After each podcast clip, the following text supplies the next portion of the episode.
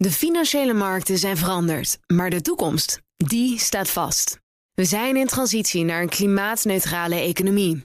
Dit biedt een van de grootste investeringskansen van onze generatie. Een kans voor u om mee te groeien met de pioniers van morgen. Meer weten? Ga naar carbonequity.com. Carbon Equity. Do good by investing better. Beleggerspanel. Door een nieuwe lockdown zijn ook de beursvooruitzichten voor 2022 misschien wel wat minder rooskleurig. En honderden Europese beleggers werden de afgelopen jaren voor miljoenen opgelicht. Het werk van beleggersfraudeurs. Dat en meer bespreek ik in het beleggerspanel. En daarin zitten Martijn Rozenmuller, Head of Europe bij Van Eck. En Arend Jan Kamp, verbonden aan IEX Media. Goedemiddag, heren.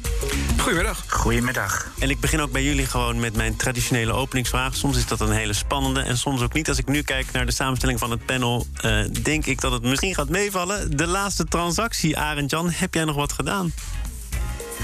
Uh, oh jee, wat een ontzettend gevoelige vraag, uh, Thomas. Ik ben namelijk ook een van die Bink Saxo, uh, Saxo klanten. Oh. Dus, dus nee, de verhuizing is, is, bij mij, is bij mij vlekkeloos gegaan. Hoor. Daar, daar niet van. Maar dat, was, dat was wel even spannend. Volgens mij het laatste wat ik bij heb gekocht... ik zou even moeten kijken, want ik kijk zelden bij mijn portefeuille. Ik denk dat dat de AX en ANMX trekkers van Martijn zijn. Ach jee. Daar ben ik toevallig in. Ja, dat is heel toevallig. Ja, nee, dat zal ongetwijfeld wat toevallig zijn. Maar het zegt ook wel iets over hoe jij ermee bezig bent. Jij bent dus niet iemand Ja. die elke dag meerdere keren kijkt hoe het allemaal voor staat en wat je nu moet gaan doen of had moeten kunnen doen.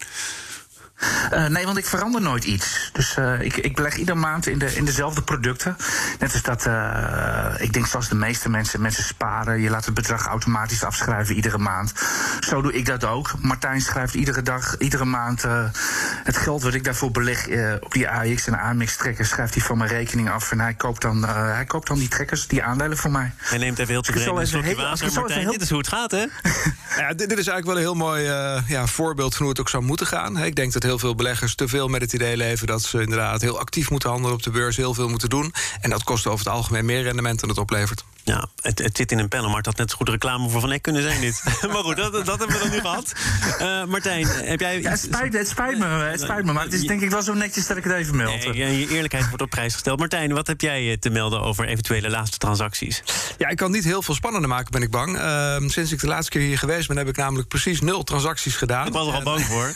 maar dat is ook wel een beetje in lijn met wat ik altijd zeg. En wat dat betreft eh, doe ik in ieder geval zelf ook wat ik andere mensen aanraad. Namelijk, ja, vooral buy and hold. Eh, over het algemeen eh, probeer ik één keer per jaar te herwegen. Dat is in deze afgelopen periode niet gebeurd nog. Dat ga ik hopelijk begin volgend jaar doen. Maar ja, that's it. Het is dus wel een periode om ook alvast eventjes vooruit te kijken naar 2022. En waar kijk je dan in het bijzonder naar?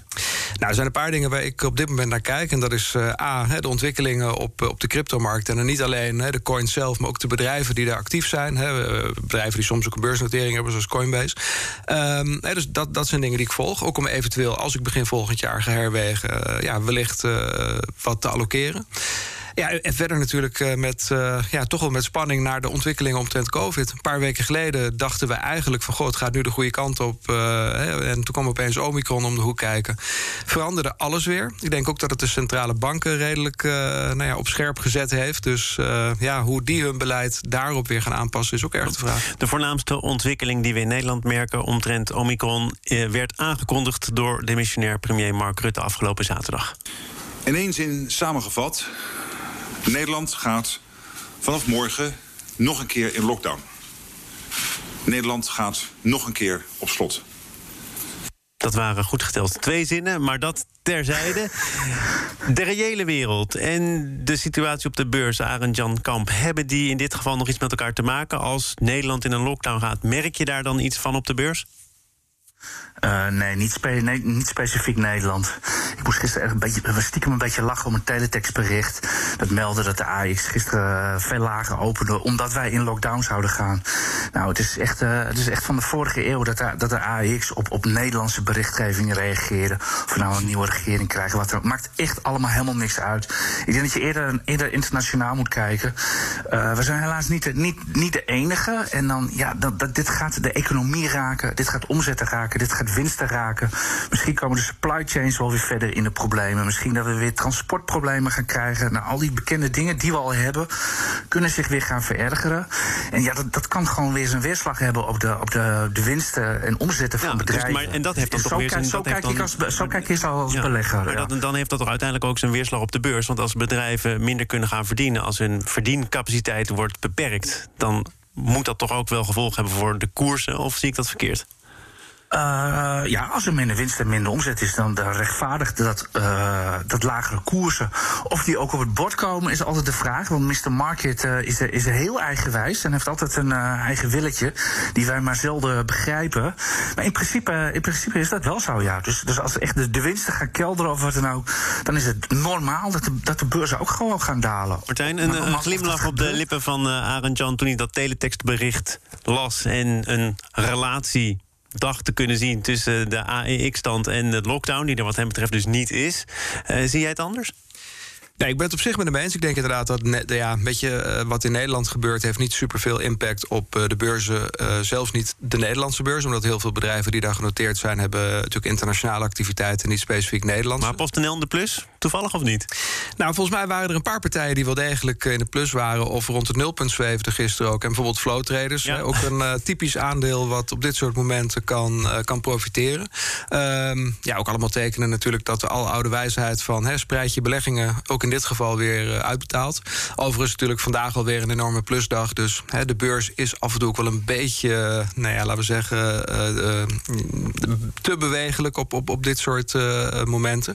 Maar ik denk dat de angst niet zozeer gaat over de Nederlandse lockdown, maar inderdaad, wat is de impact van Omicron op de, ja, op de wereldeconomie? Net nu we dachten hè, dat, dat die weer in de lift zat, zou dit op zich weer een stap terug kunnen zijn. Ja, dat dachten centrale bankiers ook. En toeval of niet, maar die hebben vorige week allemaal belangrijke vergaderingen afgesloten met rentebesluiten tot gevolg. Onder andere de Fed.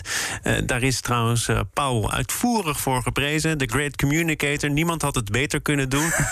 Arend Jan, ik neem toch aan dat jij ook een van de watchers bent. Was het inderdaad zo voortreffelijk? Want hij heeft gezegd, uh, we, gaan het, we gaan het allemaal wat verkrappen. En we gaan uit van drie renteverhogingen. Ja, reden voor paniek. nee, helemaal niet. Want het was, uh, het was min of meer wel, uh, wel ongeveer verwacht. De reden waarom ik, ik zelf uh, fan ben, laat ik het zo maar zeggen, van Powell... en het is niet even los van zijn beleid... is dat hij inderdaad, hij praat heel prettig. Hij, hij praat gewoon in Jip en Janneke taal, heel makkelijk. Is heel goed, is, is heel goed te volgen. Het is eigenlijk dus een soort professor die college staat te, te geven... en maakt er geen geheim van dat hij ook de toekomst niet kan voorspellen... dat er geen glazen bol et cetera. Ik vind, ik, vind dat, uh, ik vind dat erg prettig als iemand, als iemand uh, zo communiceert. Maar juist die onzekerheid die hij dus toelaat in zijn eigen woorden... daar zit de financiële markt over het algemeen toch niet op te wachten. Die willen toch weten waar ze aan toe zijn. Uh, ja, dat hebben ze dit keer ook uh, van hem meegekregen. We krijgen drie renteverhogingen volgend jaar. En eind maart is dat gigantische opkoopprogramma... wat ze erop nahielden, van 120 miljard dollar uh, per maand... is gewoon naar nul. En ja, dat, daar krijg je volgens mij geen woord tussen. Nee, daar krijg je geen woord tussen. Maar de vraag is nu wel, hè, in het licht van wat we net bespraken... Ja, overigens maakt daar wel weer het voorbehoud bij... Ja. van, van als over twee maanden de situatie weer compleet anders is... een mogelijke witte zwaan bijvoorbeeld... zou, zou die coronapil van Pfizer kunnen zijn. Als die, als die volgend jaar wordt uitgerold en die werkt goed, uh, ja, wie weet praten we over drie maanden wel weer heel anders. Daar moet je natuurlijk ook, uh, daar moet je natuurlijk ook rekening mee houden. Maar uh, ja, dat voorbehoud maakt hij. Maar zoals jij, mag nu er, lijkt, jij mag er nu al over meepraten. Er zijn witte zwanen, zwarte raven. en er is Jay Powell, die, die uitvoerig is geprezen voor zijn optreden. Geldt overigens niet voor alle centrale bankiers. Er waren mensen die zeiden dat Lagarde dan weer wat rommeliger te werk ging. deel je die kwalificatie? Ja, die deel ik inderdaad. En ik denk inderdaad dat uh, Lagarde inderdaad wat, nou ja, op zijn minst afwachtender was. Uh, duidelijk minder overtuigd in, in de stappen die, die gezet zouden moeten worden. Uh, in, in beide gevallen pakt het overigens wel goed uit. Hè. Powell die gaf terecht aan dat er altijd onzekerheden zijn, dat hij geen kristallen bol heeft. Dus uh, dat nu opeens die Omicron toch veel meer roet in het eten dreigt te gooien, terwijl hij gezegd heeft te gaan verhogen. Ehm, ja, dat zou heel vervelend kunnen uitpakken. Maar hij kan nu altijd achteraf nog zeggen: van ja, dit had ik niet kunnen voorzien. Dus ik ga misschien toch volgend jaar iets minder hard verhogen dan ik gedacht had. Ehm, als Omicron echt heel veel impact heeft. tegelijkertijd hoop ik stiekem ook wel een heel klein beetje op de witte zwaan of de, nou ja, de, de, de paarse mus die wellicht in de vorm van een, van een goed medicijn kan voorkomen dat de IC's overstroomd raken met patiënten die heel ernstig ziek worden. De grote hoop van de, van op de pillen is natuurlijk gevestigd op het feit dat ze mensen kunnen behoeden voor een heel sterk uh, verlopend ziektebeeld. Ja, en dat zou dan ook uh, het slot van de samenleving kunnen halen. Voor je het weet hebben we weer een hele dierentuin aan het eind van het panel. De paarse mus. Ik uh, zal vanaf nu ja, goed naar onthouden. Ja. Zeker. maar iemand die heeft gezegd: ik ga dus sowieso niet verhogen in 2022. Wat dan ook de coronasituatie mag zijn, is Christine Lagarde. Doet zij dat, Arend-Jan, denk je, omdat ze nu eenmaal Noord- en Zuid-Europa moet bedienen? Uh, ja, onder andere. Uh, ja, en, uh, ze heeft nogal wat mandaten wat dat betreft. Er is natuurlijk inflatie. er is natuurlijk inderdaad het trapeze lopen tussen, tussen Noord- en Zuid-Europa. Om maar even gechargeerd te zeggen. Maar het kan natuurlijk wel dat uiteindelijk de, de markten of de economie, als de, als de rentes gaan stijgen of wat dan ook, de inflatie hoog blijft, kan het wel dat de markten de ECB gaan dwingen de rente te verhogen. Hè. Je hoeft maar naar Turkije te kijken, ja. dat, dat eigenwijs is, dat de rente niet wil verhogen en verlagen je ziet gewoon uh, dat, de, dat de Turkse lira, ja, die, die wordt gewoon volkomen gesloopt uh, op dit moment op de markten. Dus ga geen armpje drukken met de valutamarkten. Dat, uh, dat ga je niet winnen. Op de ECB niet. Wij gaan naar andere mensen die de afgelopen periode volledig zijn gesloopt met het beleggerspanel. BNR Nieuwsradio. Zaken doen. Thomas van Zeil. In dat beleggerspanel zitten Martijn Rozenmuller en Arend Jan Kamp. Maar nu toch ook eerst even het woord aan Michael Williams. Glad you had a nice weekend, and I'm very happy I got hold of you, as I've got some wonderful news to share with you. Uh, is it convenient for you to speak currently? It is. Okay, great. So the great news is I've had a phone call from the buyer. The trade is now done 100%. Dit is uh, beleggingsfraudeur Michael Williams, zo noemt hij zich. Aan de telefoon met een Brabantse ondernemer. En honderden vermogende Europese particulieren blijken door deze geraffineerde Aziatische beleggingsfraudeurs voor miljoenen te zijn opgelicht. Uitgebreide reconstructie afgelopen weekend in NRC. Martijn, kijk jij daarvan op dat dit op zulke grote schaal kan plaatsvinden? Nou, eigenlijk niet. Wel misschien op de geraffineerde manier waarop het gebeurt. Ja, want het, het, is, het is zeer geraffineerd. Ik kan zomaar nog iemand uh, ten tonele opvoeren. Komt hij aan? Jeremy Blight. Unfortunately, you know, the, the, stock market is not the supermarket. You can't just uh, cancel and decide not to buy. Um, you made the commitment uh, over a recorded telephone line.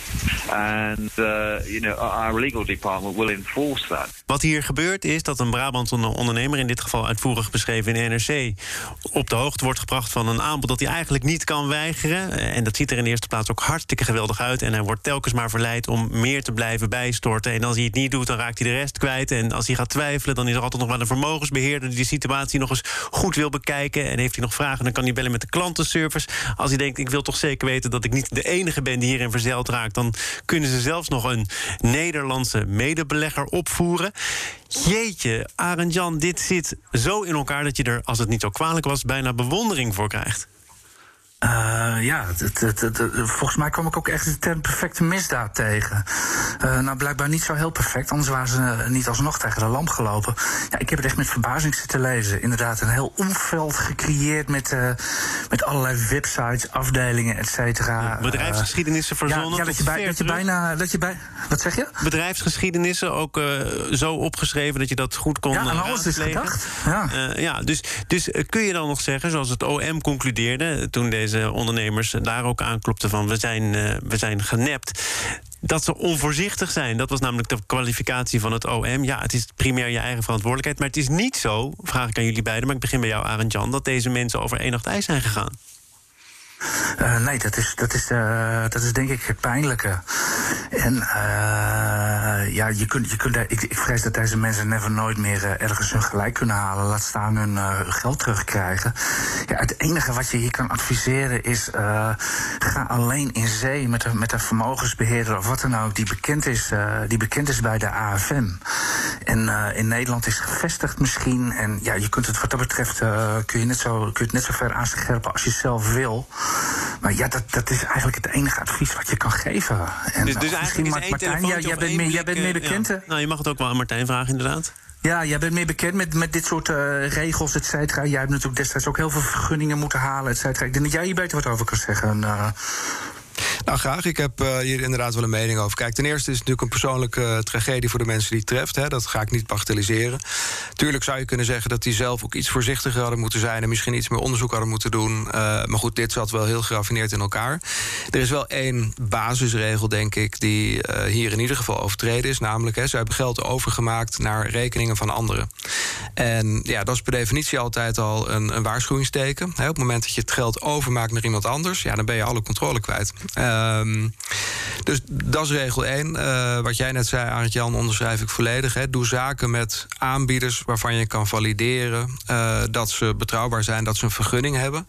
Waarvan je kan, kan opzoeken in het AFM-register dat ze daar eh, geregistreerd zijn.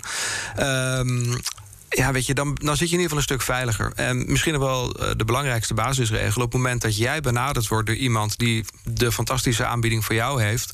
Ja, dan moeten er natuurlijk al wat, eh, wat waarschuwingsbellen gaan, eh, gaan rinkelen. Want waarom zou hij dat per se aan jou aanbieden? Waarom doet hij het niet zelf? Hè? Waarom eh, word jij als gelukkige winnaar uitgekozen? Nou, allemaal dingen die je zelf kunt afvragen als je benaderd wordt. Mensen die willen gaan beleggen moet zich over het algemeen eh, aan, aan een belangrijke regel houden. Namelijk, realiseer je dat je niet snel rijk wordt op de beurs. Op geen enkele manier. Maar deze mensen die eh, lijken hun huiswerk te hebben gedaan, zoals ik net al eh, vaststelde. Eigenlijk kan je er tegenover stellen: werp één blik op dat register van de AFM. Staat de partij daar niet tussen? Nooit doen. Eens. Dat is het. Ja. En hoeveel problemen heb jij dan met eh, deze partijen? Die komen met geweldige rendementen, inderdaad rijk worden. Niet zomaar over tien jaar. Nee, het kan morgen al zo zijn. Eh, jullie zitten natuurlijk zelf wat deugdelijker in elkaar. Ga ik er maar van uit. Daar ga je terecht vanuit. nou, maar, maar heb je dan last van concurrenten die eh, bepaald niet deugdelijk in elkaar zitten, maar die wel potentiële klanten die uiteindelijk bedrogen uitkomen van je afsnoepen? Ja, absoluut. En eh, dat is heel frustrerend af en toe. Hè. Als wij reclame maken of, of op welke manier dan ook communiceren, moeten we dat heel. Eh, gebalanceerd doen, moeten we heel duidelijk spreken over zowel de verwachte rendementen, en die moeten realistisch zijn, maar moeten we ook risico's benoemen. Ehm, Allemaal terecht, neem ik aan? En allemaal terecht. Uh, maar als partijen waar we mee concurreren hè, dat niet hoeven doen, of simpelweg niet doen, uh, ja, dan wordt het wel een beetje een lastige wedstrijd. En mensen zijn natuurlijk van nature wel uh, ja, toch enigszins hebberig. Dat zit nou één keer in ons. dus op het moment dat jij kan kiezen tussen twee aanbiedingen en de ene, ja, die, die is toch wat saaier en wat verstandiger, de andere klinkt fantastisch en daar kan je misschien wel wat sneller rijk worden, ja, dan is dat verleidelijk. En ik vind ook dat daar best wel een rol ligt voor de toezichthouder. Toezichthouder was ook deze week weer in, de nieuw, in het nieuws hè, met uh, bijvoorbeeld het onderzoek wat ze gedaan hebben naar finfluencers. Hè, waar ook Vandaag af en toe ja. fantastische rendementen worden beloofd en, en dingen die niet helemaal realistisch zijn. Nou, daar mag best wat strenger tegen opgetreden worden. Ik was blij te lezen dat ze dat nu ook van plan zijn. Um, over deze kwestie, oplichting, daarover zegt volgens mij de, de, toezichthouder... dat is niet ons pakje aan. De banken die schuiven het af. Het OM zegt, ja, je moet zelf beter oplossen, opletten. Ja. Dus uh, dat blijft toch ergens in het midden zweven dan. Ja, en de enige uh, oplossing die je dan hebt, denk ik, is als toezichthouder, maar misschien ook als industrie, uh, waaronder ik mezelf schaar, hè, dat je toch meer een educatie doet, mensen toch beter uh, voorlicht, hè, beter eigenlijk wapent tegen het in de val trappen van dit soort dingen. Maar tegelijkertijd ook dat de, ook de toezichthouder bestaande partijen, zo, zoals bijvoorbeeld ons, in staat stelt om met nieuwe innovatieve oplossingen te komen, zonder hè, dat, dat, dat, er, dat je daar dan weer via allerlei regels wel zeg maar vertraging oploopt. Terwijl andere partijen die buiten toezicht opereren, veel sneller kunnen handelen. Over toezicht gesproken en over excessen, die zijn er ook wel geweest de afgelopen maanden. De beursgang van uh, Reddit zit er misschien toch aan te komen. Social media platform dat er eerder dit jaar voor zorgde dat op het oog zieltogende bedrijven spectaculaire koersstijgingen mochten noteren. Um, en Arend Jan, hebben het er in het uh, verleden ook wel over gehad, omdat er mensen zijn die hier toch met een zekere romantische blik naar keken. Kijk eens, Robin Hood, de gewone man neemt het op tegen het grote kapitaal, de hedge funds en uh, zet ze ook een hak. Uh, toch nog even terugkerend daarnaar. Uh, is daar iets van waar? Kun je dat toch nog betogen dat het zo in elkaar zit? Uh, een, maandje of drie geleden kwam de Amerikaanse toezichthouder SEC. Die kwamen met een rapport van wel geteld 30 pagina's. Dat is uh, voor toezichthoudbegrippen heel weinig. Over wat er inderdaad toe gebeurd is. Hè. was echt afgelopen januari was het uh, hoogtepunt ervan. die rally in wat meme-aandelen is gaan, is gaan heten. Kleine aandelen die er niks van bakken. Waar ongelooflijk veel short uitstond. En waar vervolgens, ja, hoe je het maar noemen wil, oproer, reuring ontstond er uh, op, op, op die fora waarna ze keihard omhoog gingen. Uh, het enige open eindje wat er nog is, is wat ik nog steeds niet begrijp, is er zijn gewoon oproepen gedaan om aandelen te bestormen. Het zij om ze te kopen of te verkopen. Ik, ik, ik snap nog steeds niet waarom daar mensen niet voor zijn aangeklaagd. Want dat mag niet. Omdat het straf. Nee, het mag gewoon niet. Dat dit, dat zal in de wet zal het ongetwijfeld een mooie, mooie term hebben. Ja, dat, dat, is nog. Ik vind het nog altijd de beursgebeurtenis van, van het afgelopen jaar. Dat dit kon gebeuren dat je inderdaad naar, naar koersuitslagen van honderden, soms wel duizenden procenten op een, op een dag zat te kijken. Echt, uh, echt nooit eerder meegemaakt. Ik denk uh, Martijn ook niet in zijn, in zijn lange optiecarrière, wat hij allemaal achter de rug heeft. Is echt, uh, echt volkomen nieuw. En ja, Reddit was daar, was daar, natuurlijk, wel het, was daar natuurlijk wel het middelpunt van. Blijft dit een factor van betekenis? Of hebben die toezichthouders of andere wetgevende machten hier nu van geleerd? Het gaat om het specifieke kanaal Wall Street Bet. Vooral populair onder jongeren die misschien ook. iedereen heeft hiervan geleerd. Ja, ja oké. maar dan, alle... Eh, dus het kan niet meer gebeuren, zeg jij, onder het huidige? Uh, nou, niet, niet, in de, niet in deze mate, denk ik. Maar de, bijvoorbeeld de industrie, het eerste wat ze deden was, uh, was bots maken, zeg maar. die hadden ze natuurlijk al als persberichten van bedrijven uitkomen of een rentebesluit. He, dat zijn natuurlijk bots die dat lezen en dan in nanoseconden uh, posities gaan innemen. Weet ik veel hoe dat allemaal in elkaar zit. Nou, die hebben ze ook onmiddellijk in elkaar getimmerd om op dit soort fora, als er dit soort dingen gebeuren, omdat er, als de kippen bij te zijn. De SEC heeft ernaar gekeken, die hebben, geconcludeerd dat er niets onoorbaars is gebeurd. Niets. Mhm. Dat alles perfect werkte. Dus uh, in, in die zin kan het, kan, het, kan het weer gebeuren. Ik denk het alleen niet, omdat iedereen nu, ja, we weten het, we hebben het gezien. Als er, als er weer zoiets, zo'n zo, uh, ja, zo, zo, zo squeeze komt, of, of zo'n spike, of geef er een mooie term aan. De industrie is er als kippen bij. Heb jij er net zoveel vertrouwen in, Martijn, dat dit uh, tot het verleden behoort? Niet helemaal. Ik denk dat uh, de reden dat het overigens onbestraft is gebleven... is dat, uh, ja, weet je, op het moment dat jij op een, op een openbaar podium... iets roept over een aandeel... Hè, en je bent uh, ja, hè, vrij om je mening te verkondigen... dan kan je daar moeilijk op worden aangesproken. Het probleem is natuurlijk dat de mensen die dat op dat podium riepen...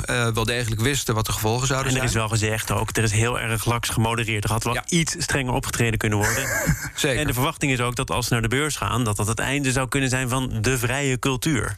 Nou ja, dat, dat, ik neem in ieder geval aan dat een beursgang uh, zoveel meer uh, zal laten opletten op inderdaad hè, wat er verder op het podium gezegd wordt. En met name ook over zichzelf. Uh, hè, we, we, hebben ook gelezen dat Reddit-gebruikers zeiden van nou dat is mooi, want dan kunnen we straks op Reddit het podium omhoog ja, praten. Die gaan het kunstje herhalen, maar dan voor Reddit zelf. Exact, ja. om, om, om aan hen te verdienen zoals ze eigenlijk aan ons verdienen. Um, ja, weet je, het, het geeft aan, denk ik, dat social media gewoon een hele belangrijke rol spelen op dit moment op de financiële markten, met name onder retail beleggers. dat slimme professionele beleggers daar inderdaad, zoals Arend Jan al zei, uh, gebruik van maken door hun algoritmes daarop aan te passen. En goed op te letten wat wordt waar gezegd. En dan nemen we vast een positie in. Uh, en dat is jammer, want dat betekent dat de, de echte onderliggende economie eigenlijk een beetje vergeten wordt. En dat uh, ja, er hier en daar kleine bubbeltjes, ik ben heel voorzichtig met het woord bubbel, dus ik zeg nu kleine bubbeltjes, gevormd worden. door mensen die daar uiteindelijk zelf van willen profiteren. Dus weet je, blijf als belegger altijd zelf nadenken nadenken: waarom neem ik een bepaalde positie? Waarom koop ik een bepaald aandeel? Ben ik er echt van overtuigd dat dat een bedrijf is wat op lange termijn uh, goed gaat presteren? Of denk ik hiermee op korte termijn veel geld te verdienen? Als het laatste het geval is, is mijn advies: niet doen. Ik denk dat weinig mensen het beter hadden kunnen zeggen. Martijn Rozemuller, Head of Europe bij Van Eck en Arend Jan Kamp van IEX Media. Dank voor jullie bijdrage aan dit panel en tot snel. Zometeen gaat het onder andere over 26 boeren die samen een windpark gaan opzetten in de Flevopolder. De financiële markten zijn veranderd, maar de toekomst, die staat vast. We zijn in transitie naar een klimaatneutrale economie. Dit biedt een van de grootste investeringskansen van onze generatie. Een kans voor u om mee te groeien met de klimaatoplossingen van morgen. Meer weten? Ga naar carbonequity.com. Carbon Equity. Do good by investing better.